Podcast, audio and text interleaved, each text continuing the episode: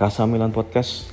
Ya baru aja selesai pertandingan yang menegangkan yang cukup menentukan antara Milan dan Hellas Verona di stadion uh, Bentegodi yang mana ini pertandingan di Bentegodi sering disebut-sebut uh, penuh dengan sejarah di mana Milan dua kali uh, mengalami kegagalan Scudetto gara-gara kalah di sini gitu ya. Pertama pas eranya Nereo Rocco tahun 70-an, lupa 70 berapa, 73 apa ya.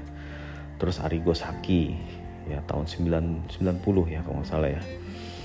Itu jadi emang uh, media mulai mengangkat lagi uh, ini akan menjadi partai yang sulit buat Milan gitu. Tapi ternyata skor akhir uh, berpihak pada Milan dengan 1-3 ya Verona unggul lebih dulu lewat Davide Faraoni, tapi Milan berhasil ngebales lewat dua gol Sandro Tonali dan satu gol lagi dari Alessandro Florenzi. Ya.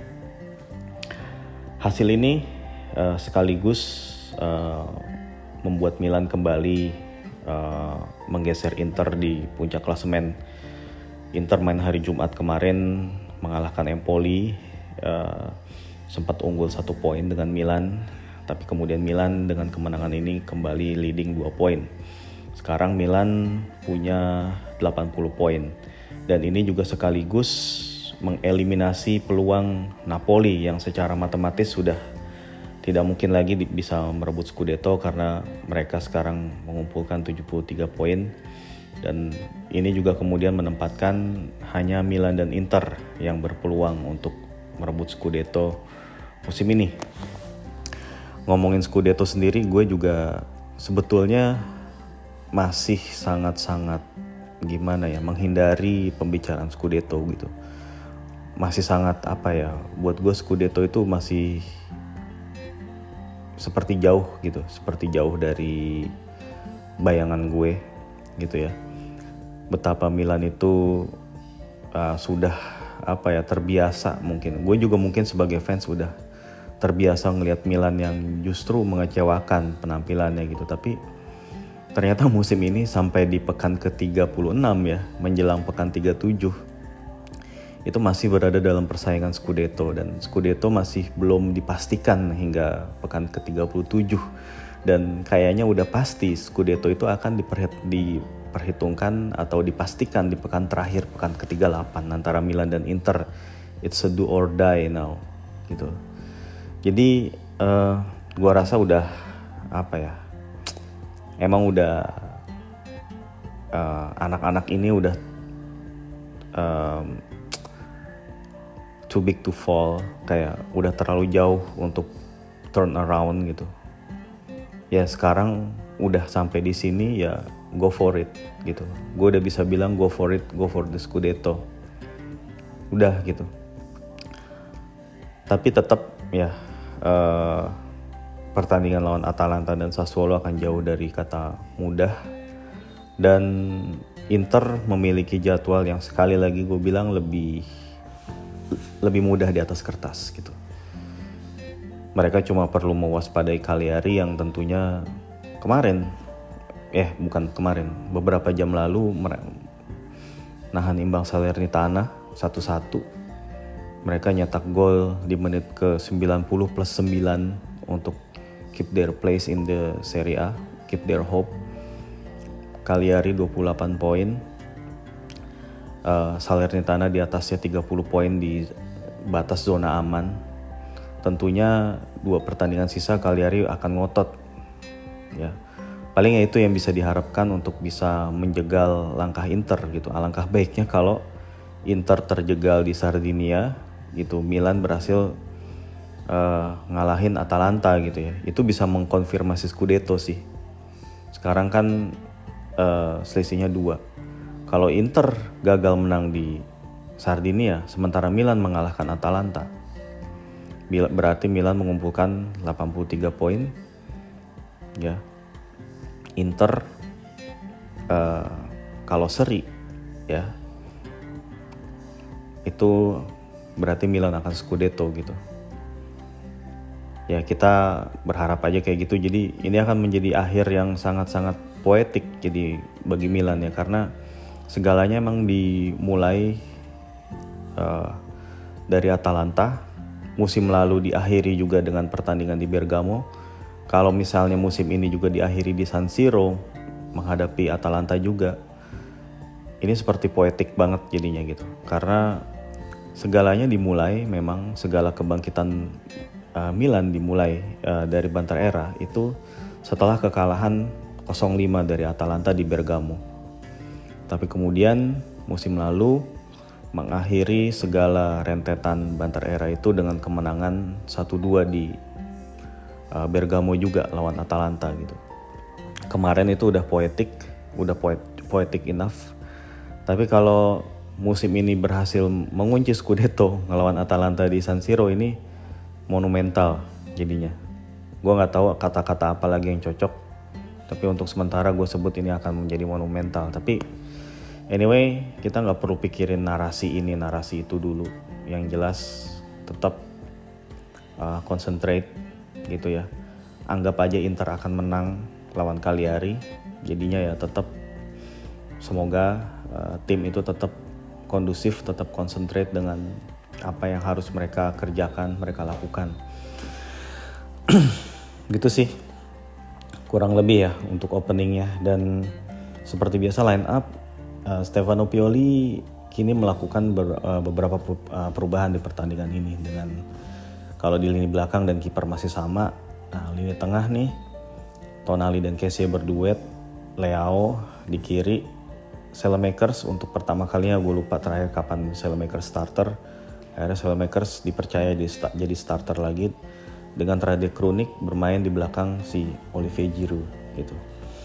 Nah, sementara pelatih Igor Tudor di kubu Elas Verona dia nurunin Lorenzo Montipo sebagai kiper. Trio backnya Ceker ini terus si um, uh, Koray Gunter dan juga Nicolo Casale ya dengan formasi 3-4-2-1 ya. Empat gelandangnya uh, double pivot Ivan Ilik dan Adrian Tameze. Dua wingbacknya di kanan uh, Davide Faraone di kiri dan Kolazovic terus kemudian dua gelandang serang Antonin Barak dan Gianluca Caprari dan uh, ujung tombaknya Giovanni Simeone. Um, yang ngebedain juga dari taktiknya atau gameplaynya Pioli ya uh, Theo uh, lebih bermain ke tengah gitu ya, lebih bermain ke lebih deep dan cenderung jadi um, gelandang di posisi gelandang gitu. Dengan Casey ya sedikit turun, Theo ngisi posisi itu dan Tonali begitu naik posisinya begitu naik, Kronik playing deeper, Olivier Giroud playing deeper, Selemakers bermain lebih ke tengah juga ya dengan Leao satu-satunya white man yang benar-benar beroperasi di wilayah uh, di lebar lapangan gitu. Ini emang memberikan Milan uh, numerical superiority gitu ya, menang jumlah pemain ya dengan uh, overload di tengah untuk mengeliminasi uh, kemampuan dari Verona untuk melakukan quick build up. Cuman di sini uh, si Igor Tudor emang dengan cerdik ya uh, dia ngarahin bola sering ke Gianluca Caprari. Ya dia tahu di situ sisi Sandro Tonali sering ninggalin posnya di situ. Sehingga itu memberikan space kepada Caprari, uh, lalu ada Ivan Ilic dan juga dan Kolazovic. Tiga pemain inilah yang kemudian sering uh, mengawali serangan balik dan kemudian uh, ini menjadi awal dari gol dari Verona yang dicetak Faraoni. Tapi sebelumnya Milan juga sebetulnya di babak pertama cukup membuat banyak peluang nyetak gol gitu ya. Terutama yang gol Tonali yang dianulir, gue juga nggak ini uh, maksudnya umpan yang bagus dari Mike Mignon itu Tonali cuman kayak fractionally offside lah. Ya kalau pas di chat apa di tayangan lambat ya di dicek VAR itu Tonali sebagian sebagian besar eh sebagian besar sebagian anggota badannya lah itu offside dalam posisi offside. Gitu tapi itu sebetulnya sebuah indikasi bahwa Tonali emang diinstruksikan Pioli bermain lebih menusuk ke depan nyari peluang. Karena Olivier Giroud udah pasti di marking sehingga Sandro Tonali lah yang perlu mencari ruang uh, lebih gitu loh untuk mencari mencuri ya memanfaatkan ruang yang kosong gitu di situ. Di area penalti. Dan emang dia berhasil menurut gue menafsirkan ruang-ruang itu gitu. Ini adalah menurut gue kunci dari kemenangan Milan ya. Betapa pintarnya Sandro Tonali uh, mencari ruang kosong ya yang ditinggalin oleh back-back Verona yang terpusat kepada Leao uh, atau Olivier Giroud gitu ya di sini juga di babak pertama kredit gue sampaikan kepada performa Rade Krunik yang menurut gue dia uh, memainkan peran dia dengan baik gitu ya. Baik sebagai gelandang serang ketika mensupport Olivier Giroud uh, dia juga bisa ngalirin bola ke flank ya. Ataupun dia juga mengisi lubang yang ditinggalin ketika Tonali naik gitu menurut gue juga dan Kronik juga punya beberapa peluang. Ya ada satu sundulan hasil umpan silang Selemakers yang berhasil ditepis dengan baik oleh Montipo dan satu lagi peluang uh, tendangan dari luar kotak penalti yang juga nggak jauh dari sasaran. Ya. menurut gue Rade bisa jadi bisa jadi penentu jangan-jangan nih di dua pertandingan ke depan gitu. Karena ya dia dengan gaya mainnya yang uh, begitu fleksibel gitu ya ketika dia dapat space menurut gue dia juga bisa berbahaya gitu. Menurut gue dia formnya lagi bagus. Menurut gue nggak ada salahnya nanti di dua pertandingan uh, berikutnya Kronik akan jadi starter lagi gitu menurut gue ya tadi kemudian setelah golnya Tonali dianulir peluangnya Kronik gagal gitu ya. Terus Verona mencuri uh, apa mencuri gol lewat si Faroni itu skema gol yang bagus ya dari Caprari. Um, dia mengirimkan umpan di antara dua back di antara Calabria dan Kalulu. Eh, terus Lazovic ngirimin umpan silang. Di situ udah ada nunggu Simeone dan di belakangnya Simeone udah ada Faraoni gitu ya. Jadi Tomori ketarik untuk ngejagain Simeone dan di situ Faraoni benar-benar unmarked, totally unmarked ya. Theo lagi nggak ada di situ, Theo masih naik gitu ya. Kessie juga nggak nggak mengcover di situ. Jadi emang itu gol yang deserve buat Verona dan itu sayang banget sih di saat Milan banyak banget peluang gitu.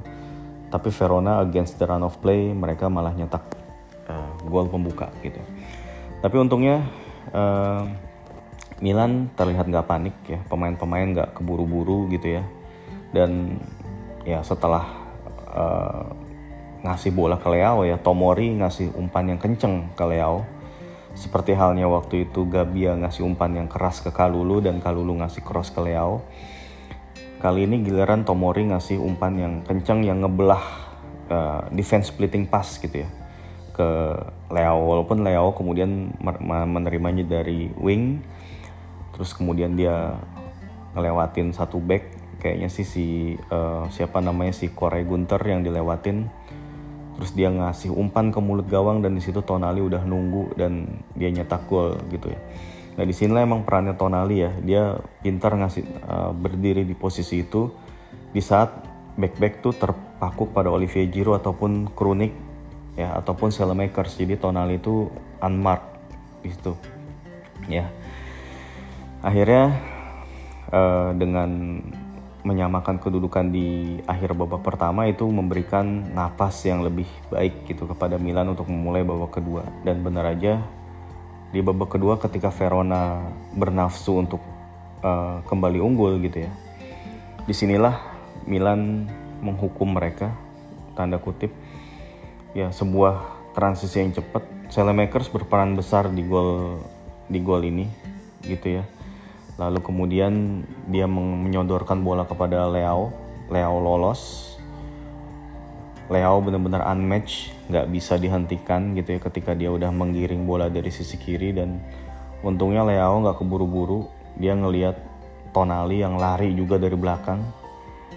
Ya Tonali lari belakang diumpan ke mulut gawang oleh Leo dan uh, Tonali tinggal simple finish aja mirip seperti skema uh, skema gol pertama ya lagi-lagi kombinasi Theo dan eh, Leo dan Tonali gitu buat Tonali ini gol ke-6 kalau nggak salah 5 apa 6 gitu semusim ini cukup produktif untuk ukuran gelandang dan sangat menentukan.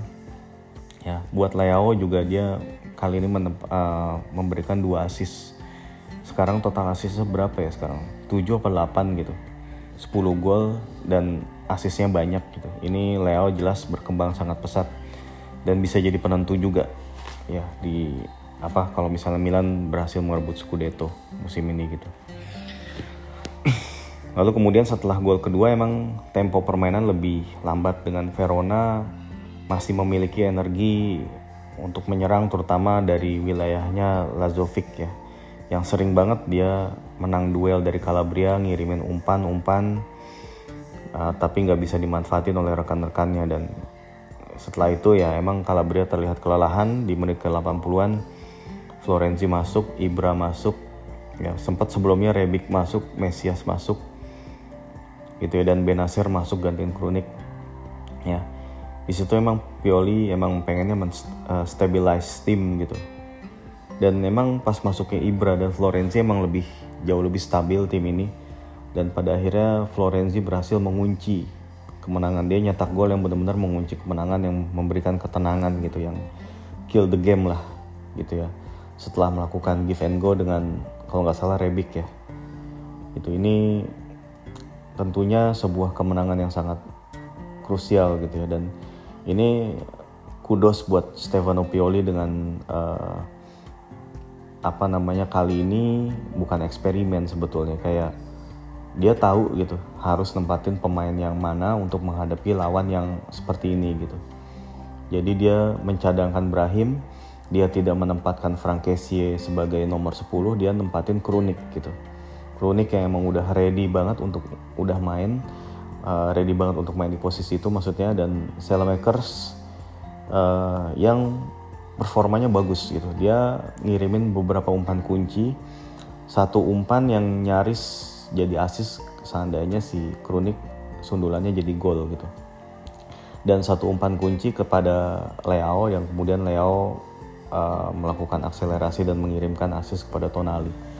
Kredit juga untuk Sailmakers yang belakangan ini banyak dikritik performanya, tapi dia main bagus.